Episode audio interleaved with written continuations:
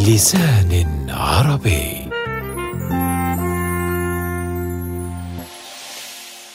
مقاهي القاهرة. إنها هجمة لتطهير القاهرة من الفساد الذي انتشر في برها.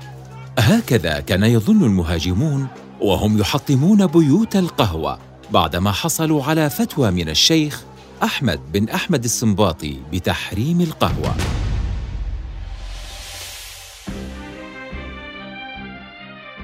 جدل واسع ومعارك في الشوارع بين مؤيد لشرب القهوة واجتماع الناس في دكاكين لشربها وبين معارض يفتي بحرمتها وبحرمة الاجتماع على شرابها وضرورة إزالة بيوتها وإغلاقها. ولكن السلطان سليم الثاني حسم الجدل بفرمان أصدره أثناء زيارته للقاهرة عام 1572 للميلاد الموافق ل 979 للهجرة. أمر الفرمان بمنع المنكرات والمسكرات وغلق الحانات ومنع استعمال القهوة وهدم كوانينها وكسر أوانيها. فانطلق العسس بمساندة الغوغاء وكاره القهوة ليبطشوا ويحطموا كل دكاكينها في القاهرة. قصص وحكايات وثورات نسجت بين جدران المقاهي وحول فناجين القهوة وأيام نرويها عن مقاهي مصر.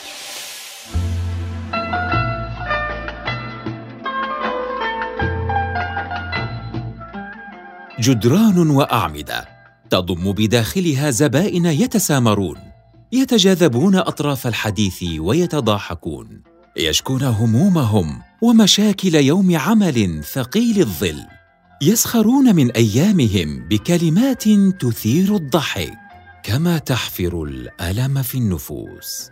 يحاولون من خلال نقاشاتهم المحتدة أن يتلمسوا الطريق وسط التيه الذي يعيشون فيه. تيه التحولات السياسية التي عصفت بثورتهم والتضخم الاقتصادي الذي أحكم سيطرته عليهم. جدران تشهد على أزمنة مرت ورجال تقلبوا على تلك المقاعد وربما شربوا المشروب نفسه. الذي ما إن تخطو أولى خطواتك داخل المقهى حتى تصطدم برائحته فتنتعش خلايا مخك بالقهوة. ولكن هل عرفت مصر المقاهي قبل دخول مشروب القهوة إليها؟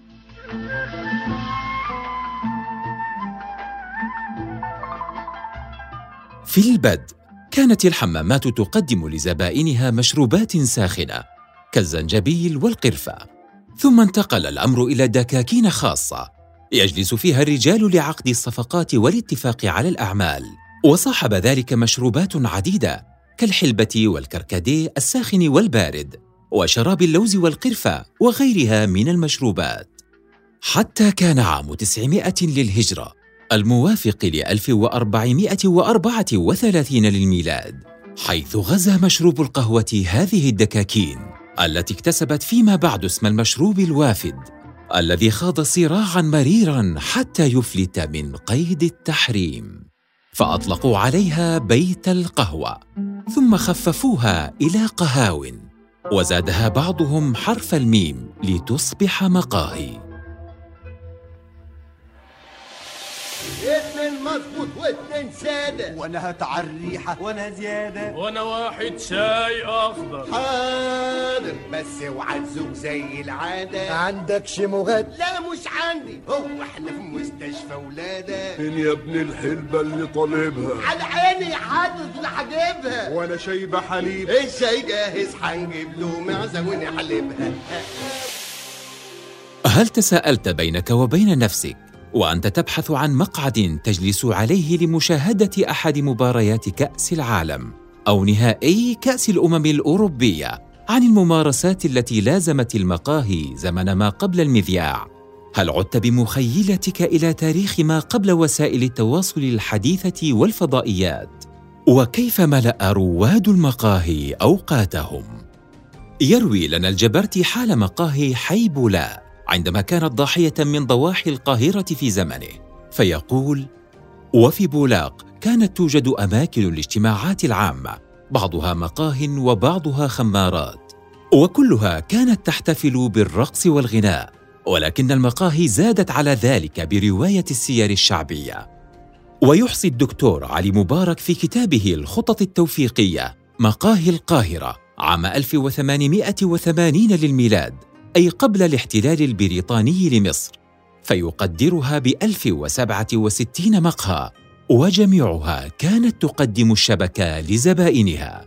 والشبك هي الشيشة التي دخلت مصر منذ عام 957 للهجرة الموافق ل 1548 للميلاد. والمقهى كما يصفه علماء الحملة الفرنسية في كتاب وصف مصر.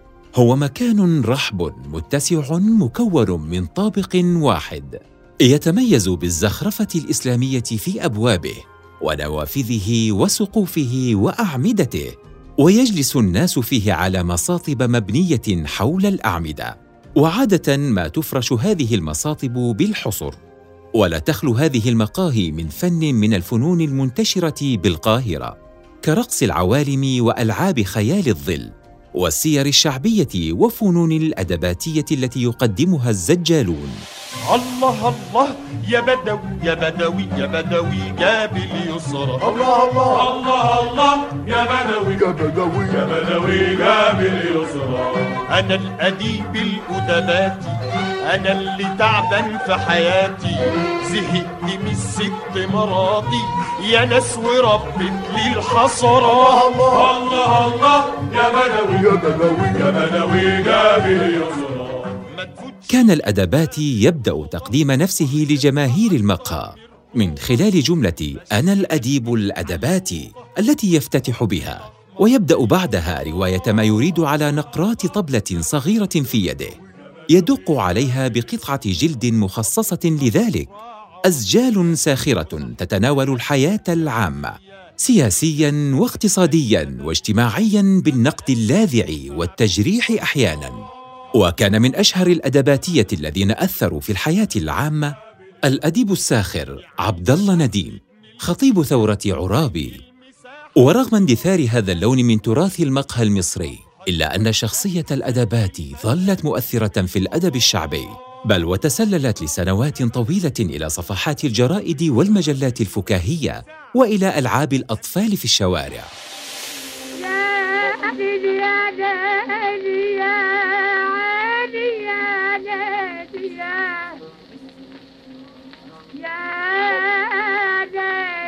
سهرات وأيام ورجال يتجمعون على شرب القهوة والشبك والسماع لكنها لم تكن دوما متعة بريئة فبعض المقاهي كانت تفتح أبوابها للغوازي التي يرقصن رقصا مبتذلا. ويصف لنا علماء الحملة الفرنسية في موسوعة وصف مصر هؤلاء الغوازي وصفا دقيقا فهن وفقا لما جاء في الكتاب. راقصات عموميات لا تحكمهن تقاليد ولا عفة. وقد أصدر محمد علي فرمانا يمنعهم من ارتياد المقاهي أو ممارسة نشاطاتهم في أي من الأماكن العامة.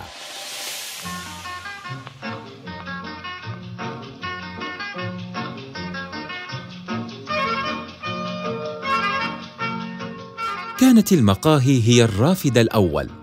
الذي انتقلت منه فنون عدة إلى المسرح والإذاعة ومن بعدهما السينما. ومن الفنون التي انتقلت إلى المسرح والإذاعة فن القافية وهو مباراة كلامية تبدأ بين شخصين. تبدأ عادة هذه المباراة بتحدي أحد الأطراف لزميل له. تخش لافيا أي هل تجارينا في لاذع الكلام؟ وعند الموافقة يبدأ في كيل ألفاظ لاذعة ساخرة له. فمثلا مثلا يقول له شنبك أي شاربك فيرد عليه الآخر بلفظة اشمعنى أي ماذا تقصد؟ فيكون رد الطرف الأول السخرية من الشنب والتقليل من قيمة وجوده. وقد انتقل هذا الفن إلى مسرح الريحان والكسار حيث كانا يدخلان مع الجمهور في مباريات كلامية. وقد اشتهرت بعض برامج الإذاعة بهذا الفن في خمسينيات وستينيات القرن الماضي. انت لا سيما ولا تياترو. كانت القافية فنا مرتجلا.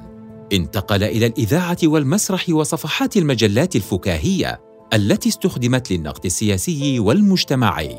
فالمقهى كما كان مكانا للترفيه وقضاء أوقات بين الأصدقاء من الرجال فلزمن طويل لم يكن مسموحا للنساء بارتيادها. كان أيضا منتدى ثقافيا وادبيا يتجمع فيه الشعراء والأدباء لتبادل الخبرات ومناقشة منتجاتهم. ومن بين جدران المقاهي عرفت مصر بدايات الإنشاد الديني لينطلق المداحون والمنشدون بعد أن يعرفوا إلى سرادقات الموالد وقصور الأثرياء لإحياء ليالي المولد النبوي والمناسبات الأخرى. عزا وإجلالا ومجدا فاخرا. نسب شريف طاهر ساد ورغم تشابه المقاهي في تراثها الفني والأدبي وما تقدمه من فنون فإن مقاهي الأزهر والحسين كانت تختلف. فقبل اختراع الطباعة كان حي الحسين هو حي الكتب والمكتبات. لذلك كانت مقاهي الحسين هي المكان المفضل للخطاطين وناسخي الكتب ورسامي الاغلفه وأصحاب مهنة التجليد وتذهيب الكتب. كانت مقاهي الحسين ملتقى هؤلاء فمعظمهم لم يكن لهم دكان أو ورشة بل كانوا يتخذون المقهى مكانا يلتقون فيه بزبائنهم. ممن يريدون نسخ مصحف أو كتاب معين أو نسخ مخطوطة ما. كل ذلك كان قبل اختراع الطباعة وقبل أن يقوم محمد علي بإنشاء مطبعة بولاء التي قضت على تلك المهنة. وكانت هناك مقاه أخرى مخصصة لبعض الطوائف المهنية ففي باب اللوء قهوة المنجدين. كانوا يجلسون إليها ومعهم أدوات التنجيد. ينتظرون الزبائن ويتفاوضون معهم على أجرتهم.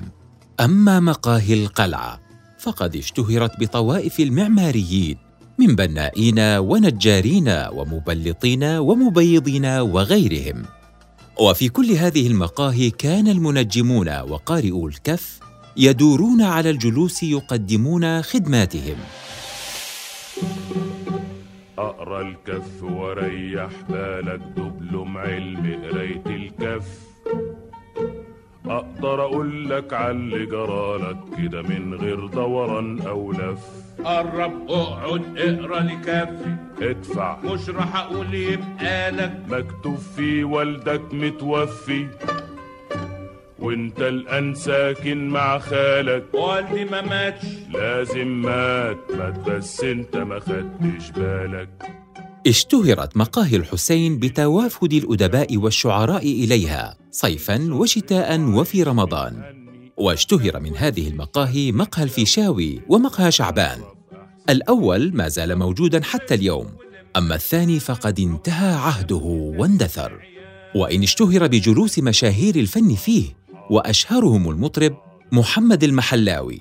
والمحلاوي اشتهر بأنه مداح الرسول صلى الله عليه وسلم منذ ستينيات القرن الماضي وحتى وفاته في الثمانينات. وعادة ما كان يطالب رواد قهوة شعبان وقهوة الفيشاوي في شهر رمضان بالاستماع لنهج البردة. وكانت فرق المداحين تنتشر في الشهر الكريم بميدان الحسين لتلبية طلبات مرتادي المقاهي هناك. شفاعته لكل هول من الأهوال مقتحم.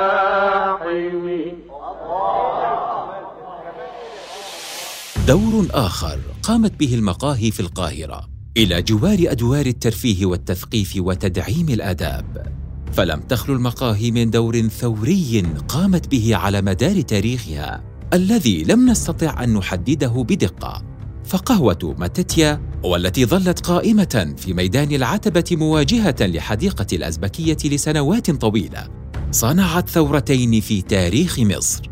وهما الثورة العرابية وثورة 1919 فعلى هذا المقهى جلس الشيخ جمال الدين الأفغاني. يوزع الصوت بيمناه والثورة بيسراه على حد وصف أحمد بهاء الدين في كتابه أيام لها تاريخ.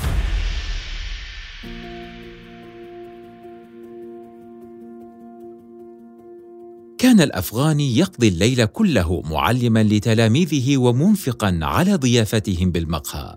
كان الافغاني يخطب في المصريين يستحثهم بقوله عيشوا كباقي الأمم أحرارا أو موتوا شهداء مأجورين ومن متتيا خرج النديم والبارودي ومحمد عبده ومصطفى كامل وسعد زغلول الذي سيلهب ثورة أخرى. هدم متتيا لصالح مشروع نفق الأزهر، ولم يبق منه غير التاريخ الذي صنعه برجاله وحكاياته التي لم تمت. هدم متتيا عام 1999 بينما زحفت على المقاهي تغييرات كثيرة وتحول مزاج المصريين. صحيح أن عدد المقاهي في ازدياد لكن وظيفتها لم تعد كما كانت. فلا تنوير ولا تثقيف ولا ثورة. حتى ثورة يناير كانت علاقتها بالمقاهي في القاهرة علاقة مرور مؤقت لا علاقة حاضنة. لم يبق من مقاهي القاهرة غير أعمدة الدخان المتصاعدة من الشيشة التي يدخنها شباب وفتيات يقتلون أوقاتهم أو صيحات مشجعي مباريات الدوري الأوروبي وكأس العالم وطرقات الدومينو على المنضدة. مقاهي مصر تاريخ مر. دون عودة.